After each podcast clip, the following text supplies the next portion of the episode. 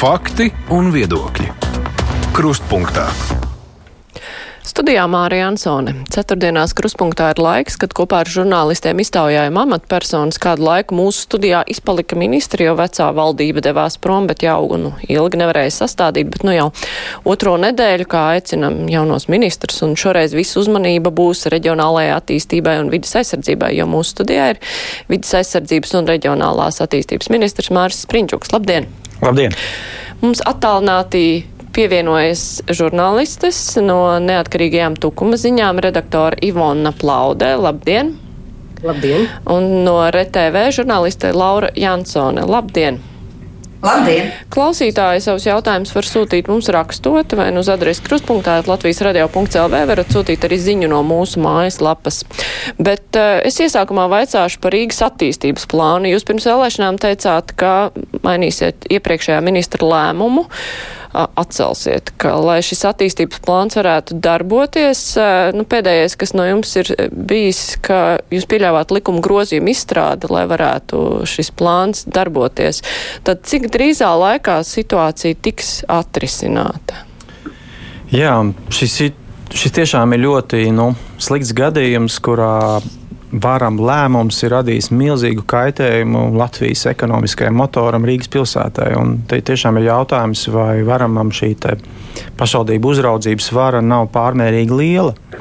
Vai ministram vajag dot šik, ši, tik lielu spēku un tādā veidā nu, risināt tik sīkas problēmas kā azartspēļu regulējuma lietas? Ko es ar šo gribu teikt? Eh, jā, Rīga šajā gadījumā ir slazdā, un eh, viennozīmīgi no visas Latvijas interesēm ir svarīgi ātrāk nokārtot situāciju, lai Rīgā var atsākties attīstība, būvniecība, investīcijas. Tas ir visas mūsu valsts interesēs. Un, eh, mēs pirms nedēļas tikāmies ar mēru Staķi un vienojāmies par juridiski vienkāršāko scenāriju proti ir jāveic saimā grozījumi vēsturiskā centra likumā. Un, ja to strauji dara, nu, tie ir divi, trīs mēneši, lai Rīga var atgriezties uz attīstības ceļa. A, kāpēc tas ir juridiski vienkāršākais risinājums? Vienkāršāk nav atcelt iepriekšējo lēmumu? Uh, Tā problēma ir, ka šobrīd likums tiešām nepieļauj divu atvērtu plānojumu esamību. Tātad, zināmā mērā, šeit ir tiešām likumdošanas problēma. Tad, ja mēs gribam ātri risināt, tad eh, vieglāk ir radīt šajā otrajā likumā iespēju, ka ir divi atvērti plānojumi. Savukārt šī nu, taisnības meklēšanas atversmes tiesā gan par azartspēlēm, gan par teritorijas plānumu atcelšanu šī iespēja nezūd. Mēs joprojām varam tiesāties Rīga ar varamu. Um, pat ja tas bija iepriekšējais varams, uh, un meklēt taisnību. Bet to mēs darām paralēli. Tātad Rīga pa to laiku būtu atbloķēta, sāktos attīstība, bet uh, mēs vēl varam risināt tiesiskajā vidē šos jautājumus uh, satversmes tiesā. Bet tie atvērtie plānojumi taču attiecās uz daļām, nevis Jā. uz visu. Arī tā ir tāda problēma, nu, kāpēc nevar atcelt iepriekšējo lēmumu. Kā man skaidroja varam speciālisti, tā tad nav iespējams uh, atvērtā, uzsāktā plānojumā nu, būt otrs plānojums. Tad, tad uh, vienam jābūt pabeigtam, un tad, lai šo situāciju mainītu, mums ir jāmaina tā plānošanas sistēma. Bet jūs viņiem uzticaties pilnībā, ņemot vērā, ka viņi bija tie, kas sagatavoja šo lēmumu. Protams, ka šie speciālisti nevar tagad teikt, ka mēs nepareizi izdarījām. Nu, ir divas veids. Viens ir vienkārši tulkot šo situāciju, juridiski interpretēt, un otrs ir, mm, nu, es nāku no pašvaldību puses. Tas, ko es viennozīmīgi varu pateikt, un es atbildu par katru vārdu, šī plānojuma sistēma ir pārāk neelastība jebkādu veidu izmaiņu veikšanai. Un ir pamatot šī lielā smagnējā procedūra, kas iet trīs vai pat piecus gadus tādai pilsētai kā Rīgai, lai grozītu pat lokālu plānojumā, sarežģītai teritorijai centram bet ir bieži vien mazas, sīkas darbības, kur, kur, kur būtu jābūt lielākai elastībai. Tātad tas, ko es pārēdzu, ka teritorijas plānošanas šajā visā likumdošanas hierarhijā būtu jāveic nu, izmaiņas, vienkāršojot šo procedūru, atvieglojot pašvaldībām rokas. Un tas nenozīmē, ka mēs atcēlām tiesiskumu otrādi pamatprincipus mēs sargājam, bet mēs pieļaujam lielāku elastību. Arī šis Rīgas gadījums ir, ir daļa no šīs situācijas, ja, kurā ir ļoti neelastīga sistēma. Likums vienkārši nav paredzējis šādu iespējamību. Bet eh, es uz to lietu skatos, nu, kā jau es minēju, nedaudz savādāk. Vai varamam pie tik sīka strīda, kas nav publiskā funkcija. Mēs nerunājam par slimnīcām vai skolām, par viņu novietojumu, bet, bet par, par šauru biznesa nozari, vai vajadzēja tiešām apturēt, vai nebija proporcionālāk mēri, kā, kā, kā, kā strīdēties ar Rīgu. Tāpēc, manuprāt, pareizi būtu, ka varam neatceļ pašvaldības aizstošos noteikumus, bet uh, var iet uz tiesu. Un tiesa ir pušu sacensība un tādā veidā uzvar taisnība, vai, ja kādai pusē nav taisnība, viņi, viņi savu pusceļā var atkāpties vai piekāpties.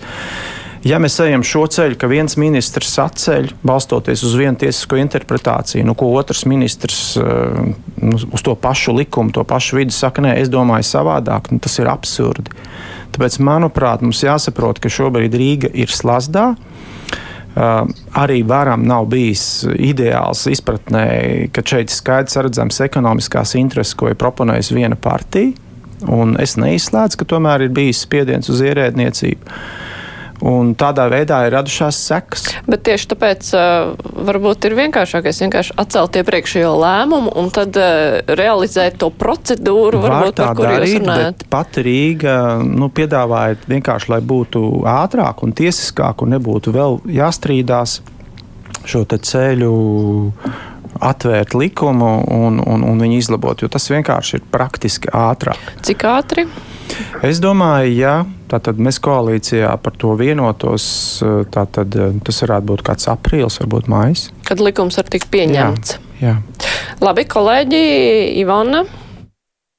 Man ir jautājums droši vien pirmais vispirms par to, par ko mēs šobrīd runājam, par teritoriālo plānojumu, mazliet iebilstot min, eh, ministram eh, par pašvaldību nu, tādu neierobežotu darbību šai ziņā, un arī bieži vien ne tikai likuma pārkāpjot, bet nedomājot ne par esošiem iedzīvotājiem, ne par nākošiem.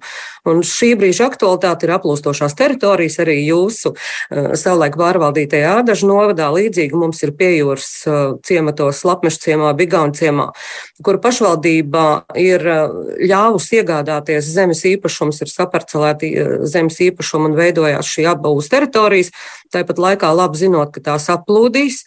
Un, uh, tur tiek rīdīti iedzīvotāji pret iedzīvotājiem tieši tāpat kā jūsu ādažu gadījumā, kur viens aizver caurteku, otrs tā teikt tiek apludināts lai pārējie neaplūst.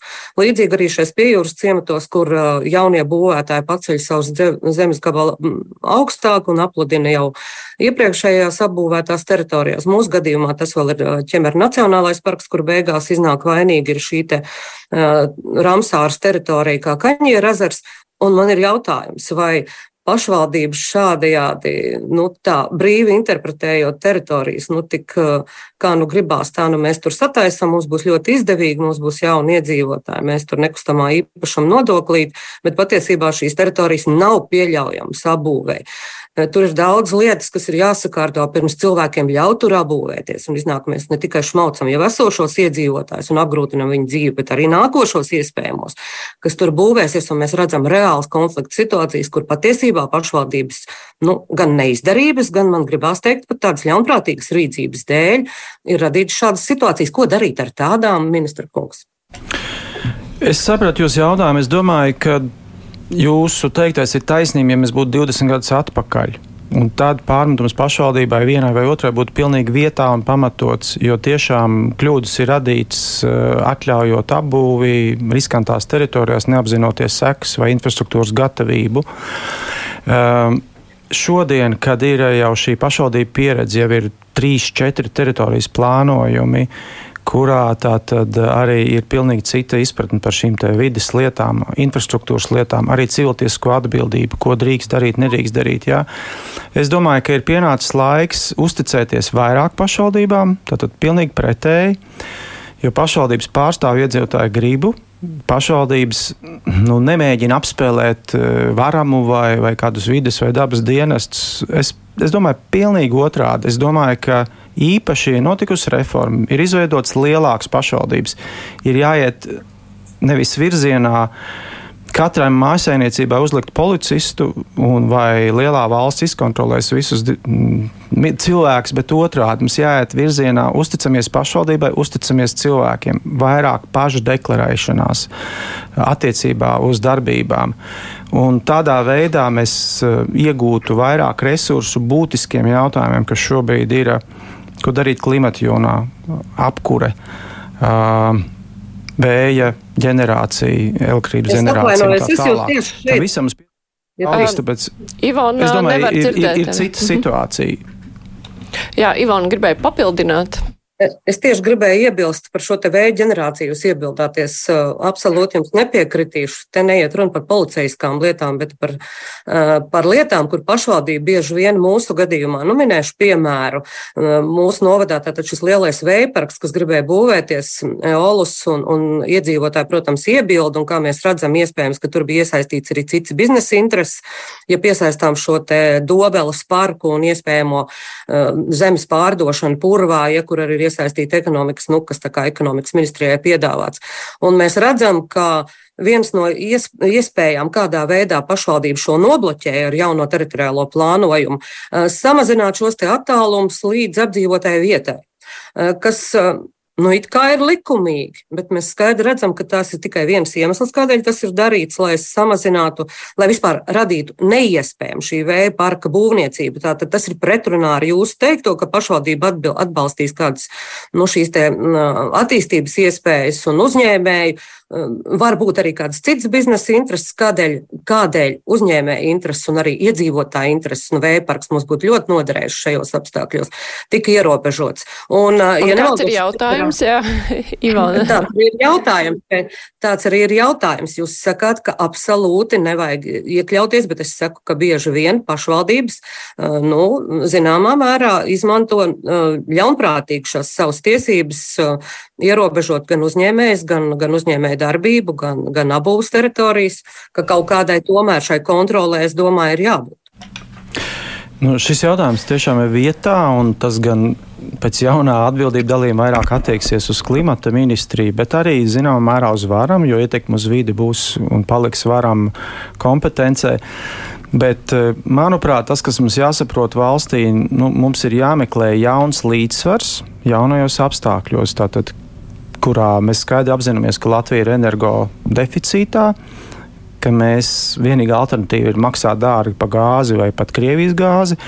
Un, uh, patiesībā mēs esam valsts ar, ar, ar labu vēju un pietiekamu sauli. Mums vienkārši jāveido labvēlīga, saprotama nu, vide, biznesa vide, tur, kur tas ir piemēroti. Un otrādi jāaizsargā mm, nezinu, putnu migrācijas vietas vai, vai vietas, kur, kur tiešām nevajadzētu sabojāt mūsu vērtīgo dabu un ilgspēju. Un, un tas ir kopējs izaicinājums, un jo ātrāk mēs kā sabiedrība šo līdzsvaru panākam, jo mēs ātrāk atrisinām šim, šo tautsaniecisko problēmu. Bet es atkal minēšu, manuprāt, ir jāiet virzienā, nu, uzticēties, dzirdēt vienam otru un meklēt šo zelta vidu. Nevis virzienā baltie, melnie, labie, sliktie. Un, um, jo mēs to spēlēt, esam spēlējuši jau 20, 30 gadus, un manuprāt, tā pieeja aizliegt uh, īsti nedarbojas. Mums ir jāiet virzienā kā darboties viena vai otra veida uzņēmējdarbībai regulētā vidē, tātad sabiedrības stingrā pāraudzībā, lai tas notiek uh, mazāk, mazākā kaitējuma virzienā. Jo tas izaicinājums ir gan par vēju, gan par izmešiem, gan par kūdras purviem, gan par biotopiem lauksēmniecības vai mežu zemēs. Ja? Tad, tad mums ir ļoti milzīga izšķiršanās pie tiem mērogiem, ar ko nāk zaļais kurs uh, trešdaļa Latvijas teritorijas ir nu, ar saimnieciskās darbības ierobežojumiem. Tādas šīs, šīs mēroga lietas, ar ko nāk zaļais kurs. Mums ir jābūt arī gudriem, kā to kā atrast līdzsvaru starp saimniecisko darbību un, un šo prasību ievērošanu, un varbūt pat iegūt kaut kādu priekšrocību, jo mēs esam diezgan zaļa valsts un, un mums ir saglabāta ļoti laba nu, daba kopumā valstī, salīdzinoši ar, ar blīvāk apdzīvotām zemēm. Bet mums ir vajadzīgs nācijas izlīgums, vienošanās par to, kas ir šis zelta vidus. Jo mēs jau varam iet galēji robežu, nu, galējā virzienā un atstāt valsti lāčiem, jā, un braukt paši kaut kur uz tām valstīm. Nu jā, nu droši vien, ka Saprotiet. par tādiem variantiem neviens nerunā. To mēs La, negribētu, jā. jā. Laura, tavs jautājums, lūdzu. Jā, mans jautājums būs par atlīdzībām pašvaldībās, jo pērnā gada 1. jūlijā stājās spēkā valsts pārvaldes atlīdzības sistēmas reforma, kas it kā ir jāiesteno piecu gadu laikā. Bet jau šobrīd mēs redzam, ka pašvaldībās vairākās algu vispirms palielina pašvaldību deputātiem, pašvaldību vadītājiem, un tad šā laikā darbiniekiem varbūt nu, tā atlīdzības palielinājums īsti nepietiek. Bet pašvaldībās te pašā laikā nav īsti iespējas piesaistīt kvalificētus speciālistus. Nu, kā jūs redzat? Vai vai varbūt šī reforma būs vai būs izdevusies, vai varbūt tomēr tā beigu beigās būs tikai deputātiem tāds uh, ienākumu papildinājuma avots. Kā būs? Nu, tas, kas tiešām ir acīm redzams, ka augstas inflācijas apstākļos, kur viss paliek dārgāk, ir jāceļ algas visiem, nu, tātad pa vis, visos sektoros. Ja.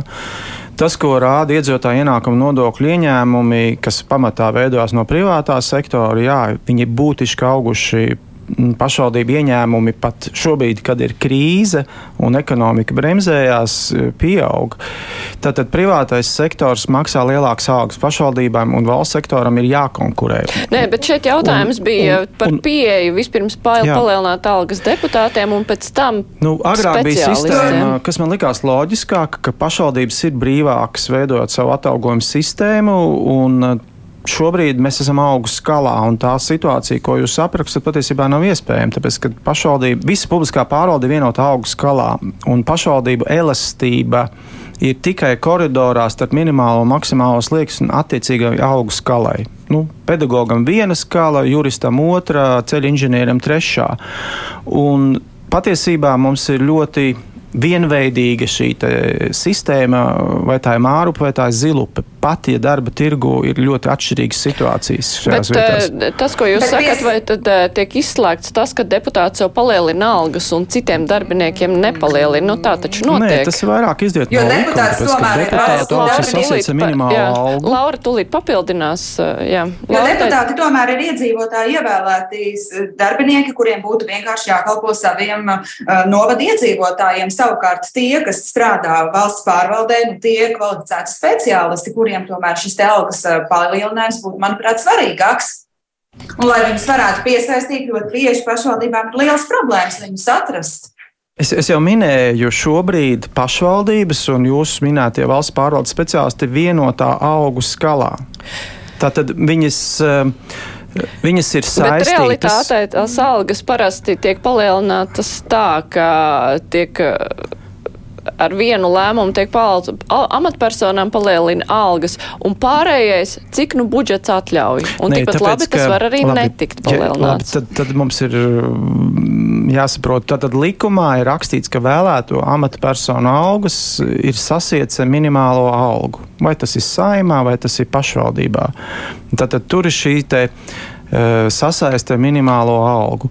Savukārt, eh, ja mēs runājam par skolotājiem vai mediķiem, jūs paši redzat, tas ir pilnīgi cits process, kādā notiek algu korektīvs. Ja? Bieži vien pat ar arotbiedrībām, streikiem un tāda veida nu, teiksim, izpausmēm. Un tie ir ļoti būtiski valsts pakalpojumi, medicīna, veselība. Ja? Un, un, un tas ir arī ļoti dārgs eh, teiksim, grosis, jo tas ir skar ļoti lielu darbinieku skaitu. Ja mēs runājam par administrācijām, tas ir tas, ko es dzirdu no, no, no, no šobrīd. Um, tur ir vienotā augu skala, un viņu principā pārskata parasti ar 1. janvāri, nu vai mūsu gadījumā, ja tehniskais budžets, tad mm, budžeta grozījumi var stāties spēkā apmēram ar martu, aprīli. Tātad tajā rāmī arī pašvaldībām ir jādanco. Un lielākā daļa pašvaldību, cik es zinu, apmēram par 10% tās augas vai nu jau ir korģējuši vai korģēs. Kā nu kur pašvaldība jūrmalā 50%, Jelgavā bija vēl vairāk. Bet nu, viņi ir skalā. Arī Likumi, tad, ja darbiniekiem to nosaka likums, to, tas nav politisks lēmums. Tātad likums ir, ir iedevis vienotu skalu un brīvību, jo ir pašvaldība, kurai Nu, teiksim, finansējums ir sliktāks, viņas pat pie iespējas celt augus nevar pacelt, jo viņiem vienkārši nav augs. Piemēram, gadā, kad uh, Ādaņš būvēja skolu, mēs nevarējām pacelt algas, jo mums bija milzīgi budžeta izdevumi aprīkot šo skolu, un mums visa nauda aizgāja nu, teiksim, nu, aprīkošanā. Vai ir pieņemama situācija tad, ja tiek algas paaugstināts deputātiem, bet uh, administrācijai, darbiniekiem, speciālistiem netiek Nu, tā īsi, vai tas Protams, ir pieņemams? Nē, tas nav pieņemams. Tāpēc, manuprāt, šīm lietām ir jāiet nu, kaut kādā kopsolī ritmā. Un skaidrs, ka tas ir vienmēr ļoti jūtīgs jautājums, ja viena vai otra grupa aiziet pa priekšu. Nu, mums arī pašvaldībās pirmskolas pedagoģi ir pašvaldība atalgojums, un, un, un, un skolu pedagoģi ir valsts atalgojums. Un pašvaldības bieži vien pat celtu pirmskolas pedagoģa algas, bet mēs nevaram iet skalā virs Eh, pirmās, otrās, trešās klases pedagogiem, jo viņiem ir vienādas nu, izglītības un prasmes. Un tā ir tā, nu, gan pluss, gan mīnus šai sistēmai. Nu jā, Laura, tev vēl ir papildinājums pie šī? Viss kārtībā. Es nolasīšu vienu klausītāju jautājumu. Vai Sprindžu kungam nebūs grūtības objektīvi vērtēt jūrmālas domas lēmumus, kuras priekšsēdētāja vietnieks Lediņa kungs no zaļās partijas ir arī apvienotā saraksta valdes loceklis? Drīzumā ministram var nākties vērtēt kārtējos jūrmālas teritorijas plānu grozījumus, kur paredz vērienīgu zaļo teritoriju apbūvi. Ne, šādus uh, vērtējumus uh, es jau, tas ir līdzīgā loģikā, ko es minēju par iepriekš. Vai ministram vajag dot šādu varu? Eh, es domāju, ka tā ir ierēģņu kompetence pārbaudīt atbilstību likumam, jo tas ir likumā regulēts. Un, un, un, manuprāt, ministram tur nav īsti pat kur jaukties. Līdz ar to es teiktu, ja likums ir ievērots, tad, tad ierēģi secina vienu, ja nē, tad nē. Un ministram pat tur nav īsti ko komentēt. Jo viņš nav politisks jautājums. Ja mums, kā apvienotā saraksta pārstāvim, kolēģiem apvienotajā sarakstā nav radies jautājums, piemēram, par Gati Trūksni. Viņš joprojām palika zaļajā partijā, viņš saņēma sev padomnieku amatu, ļoti labi apmaksāt, vēl labāk nekā pirms tam bija mēra. Vai esat vaicājis? Nu, manuprāt, mēs šeit runājam atbild, nu, tādā dimensijā politiskā atbildība, jeb partija atbild savu vēlētāju priekšā ar saviem nu, uzstādījumiem, vērtībām un arī par saviem cilvēkiem. Ja tātad katra partija ir tas filtrs, kuri vērtē, vai kāds cilvēks ir cienīgs vai nav cienīgs ieņemt kādu amatu, vai viņu, viņu liek atbildīgākos amatos, vai tieši otrādi atsauc. Citām partijām komentēt, jā, to var, tas ir arī tas, ar ko bet partijas nodarbojas. Saista, jūs, teiktu, es, jūs esat jau, nu, var teikt, ne, nu, kopīgs politiskais spēks. Tajā brīdī, kad šis notika, manuprāt, es skatījos televīzijā, zaļo partijas deputāts Līdaka izteica savu viedokli, kad pareizi būtu patiet malā. Bet bija arī otrs viedoklis, kad vienu cilvēku nevar divreiz sodīt par vienu to pašu nodarījumu. Un šajā gadījumā Truksnis ir laikam pirmais mērs, kurš par, par šādu nu, teiksim, nodarījumu, kļūdu, pārkāpumu ir samaksājis ar amatu. Un Līdz saņēmis to, nemazāk sliktu amatu. Bet tā ir partijas atbildība vai tās frakcijas, kas tajā domē darbojās, kāpēc viņi tā rīkojās. Un jums kā apvienības partneriem Nu, diez vai man ir ētiski šo. citas partijas uh, situāciju komentēt, jo es būšu interešu konfliktā. Vai nu man ir izdevīgi viņus uh, zākāt, vai arī izdevīgi viņus slavēt. Es domāju, ka tas nav politisks jautājums citai partijai. Tas nav pareizi. Mm -hmm. Nu, labi, Ivana. Man ir līdzīgs jautājums. Jūs visu laiku man tā kā mudinat uzdot papildu jautājumus. Un šeit ir arī par jūsu partijas pārstāvu, nu, par jūsu apvienības pārstāvu, kur esat izvēlējusies savu nu, padomnieku amatam. Tad ir līdzšanējā Tukuma novada domas priekšsēdētāja vietniece, bijusī Kandals novada domas priekšsēdētāja Inga Prieda kur nu, tā publiskā telpā ir zināma kā visai ksenofobiskiem saviem izteikumiem. Un tas biedējošākais man gan šeit ir par to, ka viņi ir jūsu padomnieci vidas aizsardzības jautājumos. Un mēs redzam, ka tieši Tukuma pašvaldība šobrīd ir tā, kas ir nobloķējusi, piemēram, ķemera nacionālā plāna aizsardzības šo te ķemera nacionālā parka aizsardzības plānu, un attiecīgi tas jau draud Latvijai ar šo Eiropas direktīvas procedūru, pārkāpumu procedūru un redzam, ka nu, pret dabas aizsardzību Tātad tas vēl vairāk pastiprina tās domas, ka līdz ar jūsu nākšanu amatā no dabas aizsardzības, vidas aizsardzības lietas būs vēl lielāka pabērnu lomā nekā līdz šim. Vai jūs kādā veidā jūs varētu šīs bažas, ne tikai manas, bet arī daudz citu cilvēku bažas mazināt? Ne, nu, tas, ko es iepriekš minēju, varbūt ne pārāk skaidri, ja mēs runājam par dabas un vidas aizsardzību, ka šī pieeja, ka nu, sauksim viņu par bruņošanās sacensību. Tie, tie, tie vieni pierāda vienas lietas, un tie otri, nu, katrs vēl kārā savas sviras un pātadziņas, lai apkarotu. Ja mēs gribam, nu, iegūt labāko iegūmu valstiski, tautsājumnieciski un arī atrast tiešām veidu, kā ilgspējīgi saglabāt mūsu dabas bagātības. Mums ir jābūt vienošanās. Un jāsaka, tas ir politiķu uzdevums. Tātad uh, uzklausīt šīs intereses, likt viņas galdā, sēdēt pie viena galda un balansēt. Un šajā gadījumā nu, diez vai tie, kas pārstāv vienu vai otru interesu spēku, vienalga vai viņš ir saimnieciskā puša interesēs, vai viņš ir nezinu, putnu tiesību vai biotopu, vai viņiem ir jāsēž pie galda. Un tas, kurš šīs intereses nu, svaro, jeb, jeb, jeb, jeb uzklausa, ir politiķis. Un šajā gadījumā Inga Prieda ir mēra vietniece ar pieredzi pašvaldību darbā. Nu, tas ir politiķu darbs saukt pie viena galda. Un, ja es pareizi saprotu to, ko jau divās nedēļās esmu dzirdējis, šī tradīcija varamā sēdēt kopā ar tiem, kas saimnieko nav bijusi, un zemkopībā sēdēt ar um, dabas aizsardzības organizācijām arī nav bijis. Un tas būs mūsu ministriju uzdevums saukt visus pie viena galda un meklēt labāko risinājumu. Ivan, jā, es, es ceru, ka es atbildēju šo jautājumu, bet kurš, kurš ne, kaut, Ivan, kaut ko ir pateicis? Ir papildi jautājums. Jautājums pirmkārt par izvēli. Kādēļ jūs izvēlējāties tieši Ingu Priedi, kas tiek vērtēta ļoti neviennozīmīgi? Otrs, kā mēs redzam, viņa negrasās atstāt savu amatu domas priekšsēdētā nu, vietnieku amatā, kur ir darbs ar pilnu slodzi, turklāt pilnīgi par citiem jautājumiem. Mums zināms cilvēks, viņa ir kultūras, nākus no kultūras jomas, no sabiedrisko attiecību jomas, pilnīgi nekāda sakara ar dabas aizsardzību, nu, kur mēs redzam, ka arī deklarācijā ir iekļauts, nu nav mums viss kārtībā ar vidas aizsardzību.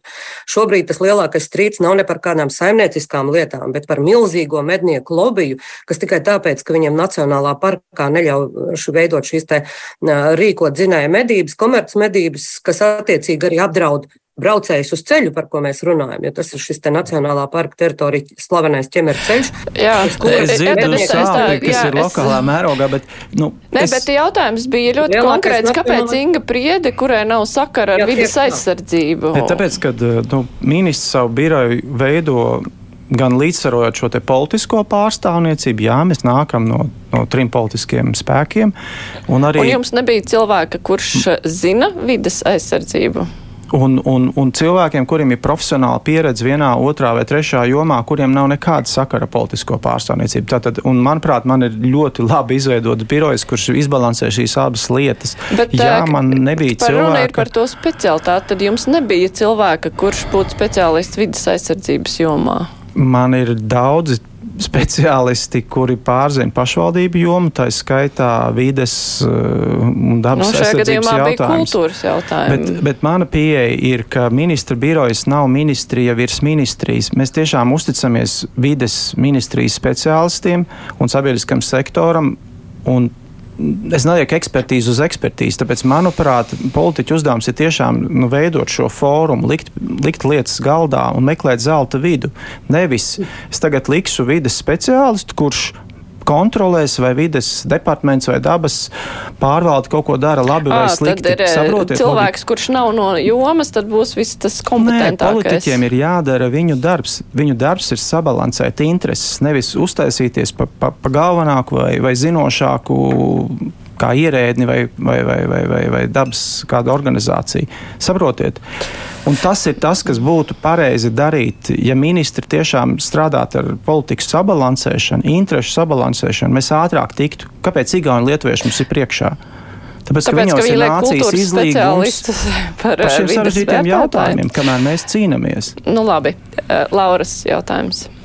Jā, man jautājums par nu, jau aizvadīto administratīvo teritoriālo reformu. Pirms tās bija asi strīdi par vairāku administratīvo teritoriju apvienošanu, un viena no skarstākajām diskusijām bija tieši par Varakļānu novadu nākotni. Un toreiz satversmes tiesa lēma, ka nav likumīgi Varakļāns pievienot Rēzeknes novadam, un šobrīd Varakļāna ir kā atsevišķa teritoriāla vienība. Un tad pēc būtības jau gan satversmes tiesas nolēmums īsti nav izpildīts. Un tad man interesējošais jautājums būtu, vai varam ministrijā šobrīd ir kāda skaidrība, kas notiks ar Varakļānu novadu nākotnē, vai viņi varēs palikt kā šāda atsevišķa teritoriāla vienība, vai tomēr viņiem būs jāpievienojas kādam no blakus esošiem lielākajiem novadiem. Es sākšu no beigām. Viennozīmīgi varakļāni nevarēs palikt kā atsevišķa vienība. Viņai būs jābūt pievienotai vai nu Madonas vai, vai Reizeknas um, pašvaldībai. Bet uh, šo jautājumu nu, sabojāja politiķi, sabojāja saimā, un manuprāt, arī saimā vajadzēs. Nu, varbūt savu pusgadu veltīt, lai šo lietu izdiskutētu, jo ir jauna saima, kas var vērtēt arī iepriekšējās saimas sastrādāto. Bet, jā, tas ir satversmes tiesas spriedums, viņš būs jāpilda, mums būs jāatrisina. Bet šajā gadījumā nu, varamam vajadzētu nu, nu, ļaut deputātiem izdiskutēt, es tā to teiktu, un tad saprast procedurāli, tad kurā virzienā iet. Man arī Varakļāna pašvaldība ir vēlē, izteikusi vēlēšanu tikties, mēs šos jautājumus tuvākajās nedēļās pārunāsim. Bet te nevar, nu, teiksim tā, stiept gadiem. Es gribēju vēl par jūrmālu pavaicāt. Jūrmāls doma ir praktiski likvidējis divas biblioteka filiāles, Asaros un Bulduros. Bulduru skaitās, ka it kā filiāli ir, lai gan tā neatbilst tam, ko likums prasa, kādai ir jābūt filiālai. Tas ir tāds grāmatu izsniegšanas punkts.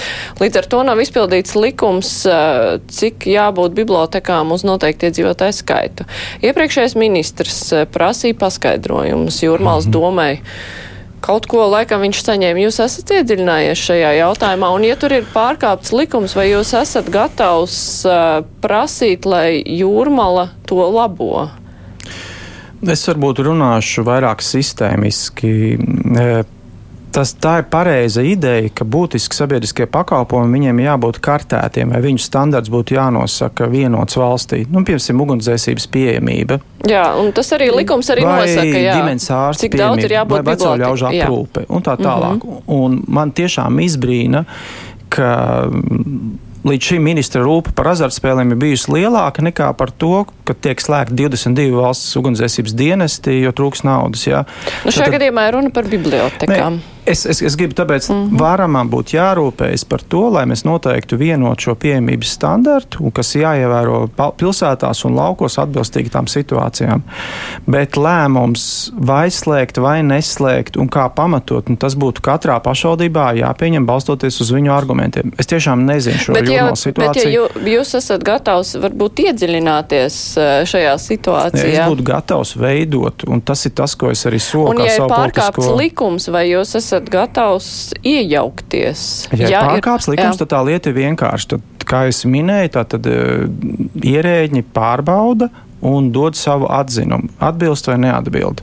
Savukārt, tas, kas būtu politisks darbs, un es atkārtošu, ko es minēju, mums būtu jāveido būtisko sabiedrisko pakalpojumu kārtējums, un jāredz uh, problēmas, kur ir slikts pakalpojumu piemība vai kvalitāte, vai ir saimnieciska problēma, kā to nofinansēt. Nu, Pustukšu skolu, piemēram, kaut kur pierobežo. Un tad, attiecīgi, mēs izveicam lēmumus, kā nodrošināt šī pakalpojuma pieejamību. Jo šobrīd to tā nedara. Katra pašvaldība pa sevi un uh, katrs ugunsdzēsības dienests pa sevi. Un gala beigās mēs iegūstam nu, tādu sliktu un labu pārklājumu vienu vai otru pakalpojumu. Un tas ir tas, kāpēc, manuprāt, tā reforma nav bijusi līdz šim ļoti pārdomāta jo mēs esam skatījušies tikai uz teritorijām un uz centriem, nevis uz būtiskiem sabiedriskiem pakalpojumiem. Jā, biblioteka ir viens no būtiskiem pakalpojumiem, un jūrmalai noteikti būtu uz to jāskatās kā uz standartu. Bet man nav informācija, kāpēc uh, nu, tā, tas viss, to nevar komentēt. Tas stāsts notika ministru maiņas laikā, tā kā iepriekšējā ministra laikā tika sniegts paskaidrojums, jautājums, vai tur tālāk virzība kaut kāda būs. Jo... Ja viņš ir tiešām, jūs sakat, ka ir pārkāps likums, likums, tad es atkārtošos, rakstiet uz varam, ierēģi tiešām viņu vērtēs. Bet mm -hmm. es kā politiķis gribētu kartēt visus pakalpojumus pēc, pēc tā standarta. Ja? Un, un, un bibliotekas viennozīmīgi tātad, tas nav tikai grāmatu izsniegšanas punkts, tas daudzās vietās ir arī vienotais klientu centrs, kur pašvaldības aģentē nu, iespēju tātad, saņemt valsts vai pašvaldību pakalpojumus attālākos rajonos. Šis ir biblioteks jāuzlūko arī no citas funkcijas viedokļa, kā tikai grāmatu izsniegšana. Bet, te, protams, tas ir vairāk skar lauku teritorijas, bet par jūrmālu man tad būtu jāiedziļinās. Es tiešām negribu šobrīd pateikt pareizi vai nepareizi manu informācijas. Jā, nu jūs varat, varam droši vien izlasīt šo vēstuli. Ivona, tās jautājums. Jā, mans jautājums ir par jūsu vakardienas izteikumiem pašvaldības savienībā. Vai es pareizi jūs sapratu, varbūt pietrūka informācijas? Jums bija tāds interesants piedāvājums nodokļu jautājumā, jau otrais, ka jūs piedāvājat, ka lūk, pašvaldībām vajadzētu tomēr šo iedzīvotāju ienākumu nodokli skatīties pēc, pēc strādājošo, nevis pēc vietā, vietā dzīvojošo skaita.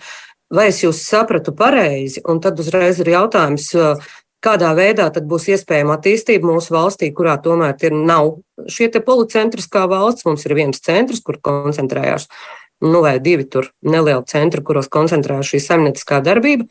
Un tad kā jūs redzat, kā pašvaldība varētu veicināt šos te, jūs sakat, ka jāveicina uzņēm, nu, uzņēmumu veidošanās. Nu, kā tad jūsuprāt, pašvaldība varētu veicināt uzņēmumu veidošanos? Un atkal ir jautājums par jūsu konsultantu Nu, kurai tā arī neizdevās savā pašvaldībā piesaistīt um, nu, nekādas uzņēmēja darbības veidus, un attiecīgi nu, šīs pašvaldības iznīks, ja viņiem nebūs nekāda ienākuma. E, šis ir ļoti svarīgs jautājums, vai mēs pašvaldības uzlūkojam kā publisko pakalpojumu kombinātu, vai mēs uzlūkojam, ka pašvaldībai būtu jābūt vietai, kurā rodas jauna nodarbinātība, darba vietas, privātā sektora darba vietas. Un man jāsaka, kritiski līdz šim pašvaldības likuma tvērumā ir drīzāk darbojušies pirmajā modelī. Tad mums ir jābūt skolām, bērngārziem, tur ielas jākaisa, gaismas un tā tālāk. Bet uzņēmēji nu, tie tā kā pa sevi. Tirgus neredzamā roka visu nokārtos. Tā pašā laikā mēs redzam, ka ir tādas infrastruktūras jautājumi kā ūdens vada pieejamība, kanalizācijas, energojaudas, pievadu ceļi. Un vienam uzņēmumam to visu vilkt, ja tā ir koplietošanas infrastruktūra, nav ne godīgi, ne taisnīgi, ne samērīgi. Un līdz ar to tās pašvaldības, kuras tiešām ir piestrādājušas, es biju ļoti pozitīvi pārsteigts eh, pirms divām nedēļām, izbraukājot Liepā, ko viņi ir 20, 30 gadu laikā izdarījuši savā mm, bijušā kara ostā un šajās mm, nu, militārajās teritorijās ir milzīgi resursi ieguldīti apakšzemes infrastruktūrā un veidojās ļoti sekmīgi jaunas ražotnes. Liepāja pat neciet no metālurgas slēgšanas, jo vietā radās jaunas ražotnes. Diemžēl vairums pašvaldību nav šādi rīkojušās. Viņām varbūt arī nav ostas resursu, viņām ir citas priekšrocības, bet būtu pareizi, ka pašvaldības domā un veido vienošanos ar uzņēmējiem kā radīt sezonālās darba vietas, ja tur ir turisma potenciāls, ēdināšana, viesmīlība, piemēram, ja, kas varētu būt pie jūrā loģiskāk, vai veidot eh, ražošanu, ja tur ir darba spēks, ja tur ir profitehniskā skola blakus, kas sagatavo labus speciālistus. Lai ja, ja uzņēmums saka, mums ir vajadzīgi tādi, tādi kadri, mēs pēc gada varētu atvērt ražotni, tad, notiek šī saruna vidutājība starp profitehnisko skolu un pašvaldību un uzņēmēju. Tātad, tās ir lietas, ko mēs kā valsts nedaram. Tas ir feudāls sadalīts, profeskolas zem izglītības ministrijas, pašvaldības nodarbojas tikai ar saviem pakalpojumiem, uzņēmēji paši par sevi. Un, ja mēs paskatāmies 20, 30 gadus, kāda ir mūsu karte, viņa ir zila. Tad Rīga stagnē, reģions stagnē, tikai pierīga ir kaut cik silta, un tikai tāpēc, ka uh, cilvēki no Rīgas mūk ārā dažādu problēmu dēļ. Tā nav normāla ilgspējīga situācija. Un tam ir arī konteksts ar to, ko mēs iepriekš runājām ar šo zaļo kursu. Mēs nevaram tikai akli nu, skriet pakaļ uh, Eiropas uzstādījumiem. Mums tiešām jādomā tautssaimnieciski, kā veidot ekosistēmu katrā pašvaldībā līdzsvarā ar dabu, līdzsvarā ar mūsu vērtībām, bet tomēr mums ir jānopelna, mums ir jābūt demogrāfijai, mums jābūt vairāk bērniem, lai mēs augtu. Mēs nevaram tikai dilt, dilt, tilt. Ivānai papildu jautājums, viņa grib precizēt. Man ir jautājums, es neredzu, jūs to, šo jūs stāstījāt arī vakar, bet es neredzu to jūsu risinājumu. Kā jūsu piedāvājums mainīt uh, ienākumu nodokļu iekasēšanas kārtību uzlabēs šo situāciju? Jo, nu tā loģiskā situācija saka, ka būs vēl trakāk trakāk. Tad lauki paliks vēl tukšāki, tur nebūs nekāda iespēja attīstīties, un pašvaldībai attiecīgi nebūs līdzekļu nekādu. Šobrīd viņiem ir, no, no, no, viņi ir attīstījuši to savu vidi, un, un turā, tajā vietā cilvēki dzīvo, un attiecīgi nāk tas ienākuma nodoklis. Tātad jūsu piedāvājums Iznāk, ka arī šī iespēja pašvaldībām attīstīties nebūs, un tad tikai ap šiem rūpnieciskiem centriem un liepās piedāvāt. Šeit ir vairāki instrumenti, ko var darīt. Ja mēs runājam par iedzīvotāju ienākumu nodokli, protams, mēs nevaram nu, radikāli mainīt šo te dzīves vietas adreses principu pret uh, darba vietas. Darba vietas var būt ar 5 vai 10% svaru uh, iedzīvotāju ienākumu nodeklī. Kāpēc mēs nevaram nu, tik salauzt pa 180 grādiem visu pašvaldību finanšu sistēmu. Nu, nevar būt tā, ka pašvaldībai pa 50% krītās ieņēmumi. Viņi, ne, viņi, viņa, viņi būs spiest aizvērt skolas. Tā nevar darīt. Tam ir jābūt līganam, pakāpeniskam procesam. Bet to, ka pašvaldības šobrīd ir ieinteresētas tikai rūpēties par savu guļamrajonu kvalitāti, parkiem, strūklakām, Nu, tas, diemžēl, ir fakts. Mēs esam diezgan sakopušies pa 10, 20 gadiem ar eiro fondiem. Bet, bet, vai tad, mēs esam mācījušies izveidot uzņēmējdarbības vidi? Un tur mēs esam viennozīmīgi zaudējuši. Vismaz kaimiņiem, lietuviešiem, igauniem noteikti. Tātad kaut ko mēs darām nepareizi. Manuprāt, viens virziens ir šī iedzīvotāja ienākuma nodokļu sasaiste, bet mazā 5 vai 10%. Tas, protams, ir jāmodelē finanšu ministrijā, vai tas nesagraus izlīdzināšanu, pašvaldību ieņēmumus un tā tālāk. Bet tas būtu viens virziens, kas būtu jāmodelē. Otrs virziens - investīcijas jāliek ir šajā, nu, teiksim, ar kaut kādu produktivitātes, eh, jeb naudas ieguldījumu tur, kur viņš nāk atpakaļ. Un zaļais kurs mums liks pārkārtot ļoti daudz savas saimniecības eh, veidu, kā mēs apkurinam komunālo sektoru, vai kā mēs ražojam, vai kā mēs izmantojam dabas resursus. Mums ir jābūt gudriem, tā lai jaunajos apstākļos mēs, mēs vienalga paliekam plusā, lai nav tā, ka mēs ejam eh, tālākā sašaurināšanās un sadilšanas virzienā. Tas ir milzīgs izaicinājums. Laura. Jā, man jautājums vēl par pašvaldību darbiniekiem, jo valsts kontrola vienā no pērnā gada ziņojumiem norādīja, ka uh, arī pēc pašvaldību reformas uh, pašvaldībās ir lielas problēmas ar cilvēku resursu vadību. Darbiniekiem nav skaidri definēti viņu darba mērķi un uh, darba uzdevumi. Iespējams, tādēļ arī nu, pašvaldībās ir, kā jūs norādījāt, šobrīd tikai šie skaistie parki, strūklakas. Uh, darbiniekiem trūkst kompetences viņu darba uzdevumiem un uh, nereti viņi pat nedodas uz mācībām. Nu, kāds tad ir tas jūsu? redzējums, kā pašvaldībās šīs situācijas un šo, te, šo te darbinieku kompetences uzlabot cilvēku resursu vadības jautājumos, lai varbūt nav tā, ka ir pašvaldībās tiešām šie cilvēki, kas tur gadiem ir, kas tur gadiem strādā, un varbūt nereti pat uz darbu dodas vienkārši atsēdēt tās savas darba stundas.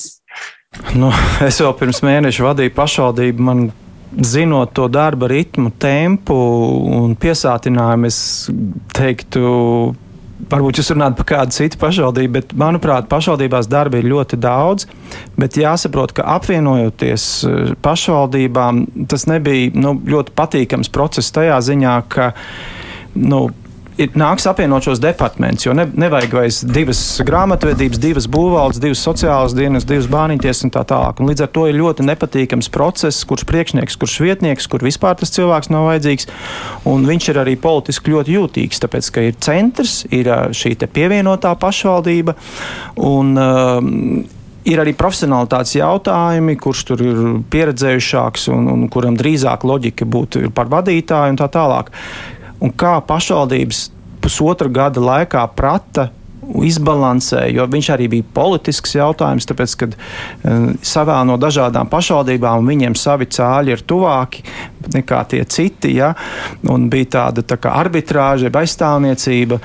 Nu, Tas bija ļoti sarežģīts process, un es šobrīd negribētu mest akmeni pašvaldībām. Es drīzāk teiktu, vai tas bija tā vērts šitā žonglēt un apvienot uh, struktūras, kuras, nu, teiksim, komunālajie dienesti netik slikti nemaz strādāja.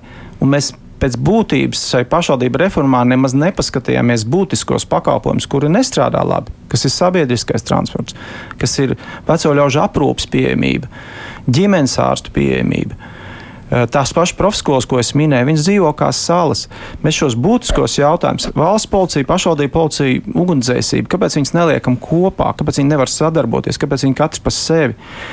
Tātad šo sadarbību mēs neiebūvējām reformā. Mēs vienkārši sadzinām kopā divas, nu, vismaz pierīgas gadījumā, pilnīgi funkcionējošas pašvaldības, divas vai trīs vai nu kā nu kurā vietā. Reģionos, jā, es piekrītu, ja ir aizbraukuši cilvēki, nevajag tik daudz pašvaldības, tur ir jāveido mērogs un efektivitāte. Bet reforma, nu, pierīgā bija diezgan aplama. Es atbildu par saviem vārdiem tie gaidītie ieguvumi, administratīva izmaksu samazinājums tur nebūs. Un mēs tā akmeni pašvaldībām, es teiktu, nav pamatoti. Klausītājs vaicā, vai līdz pašvaldību vēlēšanām tiks atlaista Daugaupils vadība par viņu pretvalstiskajām aktivitātēm. Iepriekšējais ministrs bija gatavs šo risināt. Šis kā reize nav ierēģiņu jautājums, kur ir atbilstība likumam. Tas ir vairāk jautājums par valsts drošību un arī par mūsu politisko stāju. Tāpēc es domāju, viņš tiešām ir politiski arī jādiskutē. Un, un arī... Kā jūs redzat šo politisko diskusiju? Jo pagaidām ir tā, ka visi ir tikai sašutuši par to, ka gaisotne kaut kādās pašvaldībās ir nu, diezgan prokremliska un nu, katrā ziņā ne tāda, kāda ir Latvijas nostāja, un tajā pašā laikā vairāk par sašutumu arī neviens neko nevar ne, nu, izdarīt. Manuprāt, Vai jūs redzat iespēju kaut ko darīt? Saprotiet, nu, es uz to lietu skatītos plašāk. Tad, tad, skaidrs, ka politiķus ievēl cilvēki, un viņiem vai nu dod šo uzticību, vai nu viņus kā, zaudē šo uzticību. Ja? Un tas, kas uh, šo lietu tiešām ir ļoti sarežģīti skatīties, jo mēs skatījāmies vēlēšanu rezultātus, tad īpaši Latgalē. Uh, tur bija šīs Rosļiko partija, stabilitāte, vai kā viņi saucās. Ja? Un tas parāda šo iedzīvotāju lojalitāti, vai to, kā viņi domā, vai tās vērtības, kurām viņi piekrīt. Ja? Un Elksniņš pat nav no šīs partijas, viņš ir no saskaņas. Ir viņš ir no saskaņas, Jā. un tas, tā, tas trīnieks bija ļoti ar konkrētām politiskajām Jā. simpātijām. Bet es teiktu, viņš ir sarežģīts tādā izpratnē, ka, manuprāt, mums ir primāri jādomā par šo iedzīvotāju informatīvo tāpu un lojalitāti mūsu valstī, nevis blakus valstī. Otrs, jāsaprot, ka tie politiķi kas iet uz vēlēšanām, viņi mēģina eksploatēt šo cilvēku gaidas, jeb vērtības, un viņi atspoguļo kā spoguli. Un trešais, jā, mums vērtējot, ja kāds karu nesauc par karu vai, vai, vai, vai Krimas okupāciju, attaisno kā, kā, kā līdzīgi, ja, tad, tad viņš ir jāskata gan no valsts drošības jautājuma, vai tas neapdraud mūsu valstisko drošību, bet arī viņš jādara veidā, lai šī sabiedrības daļa, kas viņus ir ievēlējuši, tiešām sajustu kaunu vai sajust, ka viņi tam nepiekrīt, ka tas tiešām ir, nu, ka tā gravitācija ir mainījusies kopš 24. februāra. Tas ir ļoti smalks pasākums, jo pareizi jau būtu, ka demokrātiskā valstī vēlētājs nu, atsauc, jeb, jeb nošvilp to savu ievēlēto cilvēku, ja viņš nerīkojas tā, kā viņi sagaida. Ja mēs panākam pretēju efektu, mēs jau tā kā nocementējam to, to, to, to, to nu, viņu pozīciju. Tāpēc es teiktu, šeit ir daudz smalkāk mums jāspēlē, jo, manuprāt, mēs jau kaut kur esam kā valsts ielaiduši. Varbūt esot ļoti strikti ar valodas likumu vai ar šo te televīzijas pieejamību, kaut kas ir izdarīts nepareizi. Strikti ar valodas likumu ne, tajā, vai ka cilvēki vairs neskatās Latvijas mēdījus, neklausās rādio, vai tāpēc, ka tie raidītāji nedarbojas, vai tāpēc, ka tā valoda viņiem nav saprotama, vai tāpēc, ka Krievijas televīzija tur ir krāšņāka. Bet viennozīmīgi nu, mums, manuprāt, ir jāskatās uz cēloņiem Un jāsaprot, ka šie cēloņi rada šādus uh, politiķus, kuri kuri tad mēģina Bet, arī. Nu, tad kā ministrija tā tīri, nu, izējot no jūsu kompetencēm, jūs neredzat iespēju tur jebko darīt? Nu, man ir jākonsultējas, jo šobrīd likums ļauj atsaukt mēru, bet tad man ir vajadzīgi tiešām tiesiski argumenti, nevis tikai politiski patīk, nepatīk. Um, tur ir jābūt likuma pārkāpumam. Jā. Kolēģi Ivona, ja tā nepārāk izvērsta, jo mums ir palikušas nieka četras minūtes. Droši vien par šo pašu, jo es tagad esmu ārkārtīgi samulsusi, jo uz iepriekšējiem jautājumiem ministrs atbildēja, ka esot politiķis un arī šie padomnieki ir politiķi, kuriem tur daudz nav ko ievietot, viņiem tikai jāved pie konkrēta galda un nekas konkrēti nav jādara. Šobrīd jūs teicāt, ka jūs esat ierēdnis un tāpēc tas nav jūsu jautājums un tur politiski ir jārisina. Man tomēr ļoti konkrēti gribētu zināt, jūs pats personīgi uzskatāt, ka kara, nu, Tagad ir kara apstākļi. To nevelti mēs esam atzinuši. Arī Latvija dzīvo kara apstākļos. Patīk mums tas vai nē. Vai agresoru valsts slavināšana jūsuprāt, ir sodām vai nē, vai mēs varam atstāt nu, politiķu, tas arī ir valsts pārvaldes darbinieku samatā cilvēku, kurš ir klaji naidīgs mūsu valstī un domā par agresoru valsts atbalstu. Protams, protams Nā, mēs to nevaram tā pieļaut un atstāt, un tam ir jābūt nosodītam. Nosodītam, kā jūs to darīsiet? Nu, man ir jāpilda likumā ietverā dotais. Nu, Cik es drīkstu, tātad es nevaru politiski pateikt, patīk vai nepatīk. Man ir jāpamato šis lēmums. Tāpat kā Rīgas domas gadījumā, nu, viņam jābūt tiesiskam. Un tad man ir vajadzīgs tiešām atbalsts no valsts drošības komitejas vai, vai, vai, vai nu, lai pamatot šo tiesiskumu. Uh, Ivana vaicā, vai jūs meklējat šo atbalstu, vai jūs ar viņiem esat kaut kādā saziņā? Nē, nu pašlaik mēs rakstām valdības deklarāciju, ko mēs darīsim nākošos gadus. Es šobrīd tiešām nenodarbojos ar šiem te, nu, atsevišķiem jautājumiem, ko man šajā raidījumā nu, prasa, bet es līdz viņiem nonākšu. Labi, mums vēl ir palikuši divi ar pus minūtes. Laura, kāds īsts jautājums? Nu, šajās divās pusminūtēs varbūt mēs varētu parunāties par to, ka šobrīd jau Latvijā lielākā daļa iedzīvotāju koncentrējas Rīgā un Pierīgā. Nu, ko mēs varētu darīt, lai tomēr neveicinātu iedzīvotāju aizplūšanu tik ļoti no reģioniem prom un veicinātu vienmērīgu Latvijas teritorijas attīstību? Jā, pāris minūtēs ir kāds plāns. Es domāju, ka Latvijā tiešām ir ļoti daudz neizmantoti resursi. Nu, Turisma potenciāls, kā piemēram, ja. Un uh, mūsu līdzinājā pieeja, ko es jau raksturoju, nav bijusi bieži vien draudzīga. Nu, Kaut vai pie jūras, mums ir 500 km skaists jūras, bet uh, nu, nav tā, ka ir ērti piebraukt, vai tur ir kafejnīcas vai, vai naktsmītnes. Tā tad ir daudz vairāk mēs varētu darīt. Eh, nekaitējot dabai, bet tomēr eh, ciemu pilsētu teritorijās veidot šos pakalpojumus. Ja? Vai arī izmantot mūsu skaisto vēsturi, kas ir eh, tiksim, kuldīgi cēsis, pilis daudz kur. Ja? Tad, tad izmantot tos resursus, Latgala zilo ezeru zemi. Ja jūs tur braucat vasarā, to zilos ezers neredzat. Krasti ir aizauguši ar krūmiem, viņus varētu kaut vai šķeldot, jo mums tik ļoti vajadzīga šobrīd tā biomasa un veidot šīs skaistos uh, braucienus. Ja. Uh, ejot tālāk, arī nu, kaut vai mēs runājam par kūdras nozari, mums ir potenciāls uh, nevis apkurē, par ko tik man daudz prasa, bet tieši šajā dārzkopībā, podiņos tā ir ļoti laba pievienotā vērtība, bagātināt šo kūdu un tam līdzīgi. Mums ir jāizstāv šī interese, lai nepazūd šī nozare vispār, jo Eiropā to nesaprot. Eiropā ir vairums valstu, kuros vispār nav kūdras puru, un viņi mūs dzēns stūrī. Un mums ir jānotur šī saimnieciskā izpratne, lai varētu veidoties biznesa darba vietas arī reģionos. Tātad šī jaunā situācija mums liek uzlūkot mūsu līdzinējumu saimniekošanu, vai tā ir lauksaimniecība vai meža saimniecība, kas ir pamatā uz resursu ar jaunām acīm. Tātad kā jaunajos apstākļos turpināt, pelnīt, nodarbināt cilvēkus, radīt jaunas darba vietas. Un, ja mēs to sekmīgi izdarām, es domāju, ka cilvēki nebrauks uz Rīgu un Pierīgu, jo Rīga un Pierīga vairs arī nav tik pievilcīga. Tā dzīve tur diezgan dārga. Un varbūt mēs pat panākam atpakaļ atgriešanos, ka cilvēki grib braukt tur, kur vairāk gaisa. Tā, tāds būtu mans novēlējums. Jā, novēlējums, bet nu, tur arī daudz kas jums pašam ir jādara. Redzēsim, vai Tieši jums tā. izdosies, neizdosies eh, paveikt to, ko jūs nu pat eh, smuki aprakstījāt. Jā, es saku paldies. Eh, šodien kopā ar mums vidas aizsardzības un reģionālās attīstības ministrs Māris Sprindžuks, arī kolēģis žurnālistis Laura Jansona no RTV. Paldies! Un Ivona Plaudē, laikraksta raksta neatkarīgās tukuma ziņas redaktore. Bet raidījums krustpunktā ar to izskan. Producenti Revija Junāma studijā bija Mārija Jansona. Mēs tiekamies arī rīt, kad kopā ar žurnālistiem runāsim par nedēļas aktualitātēm. Visu labu līdz rītam!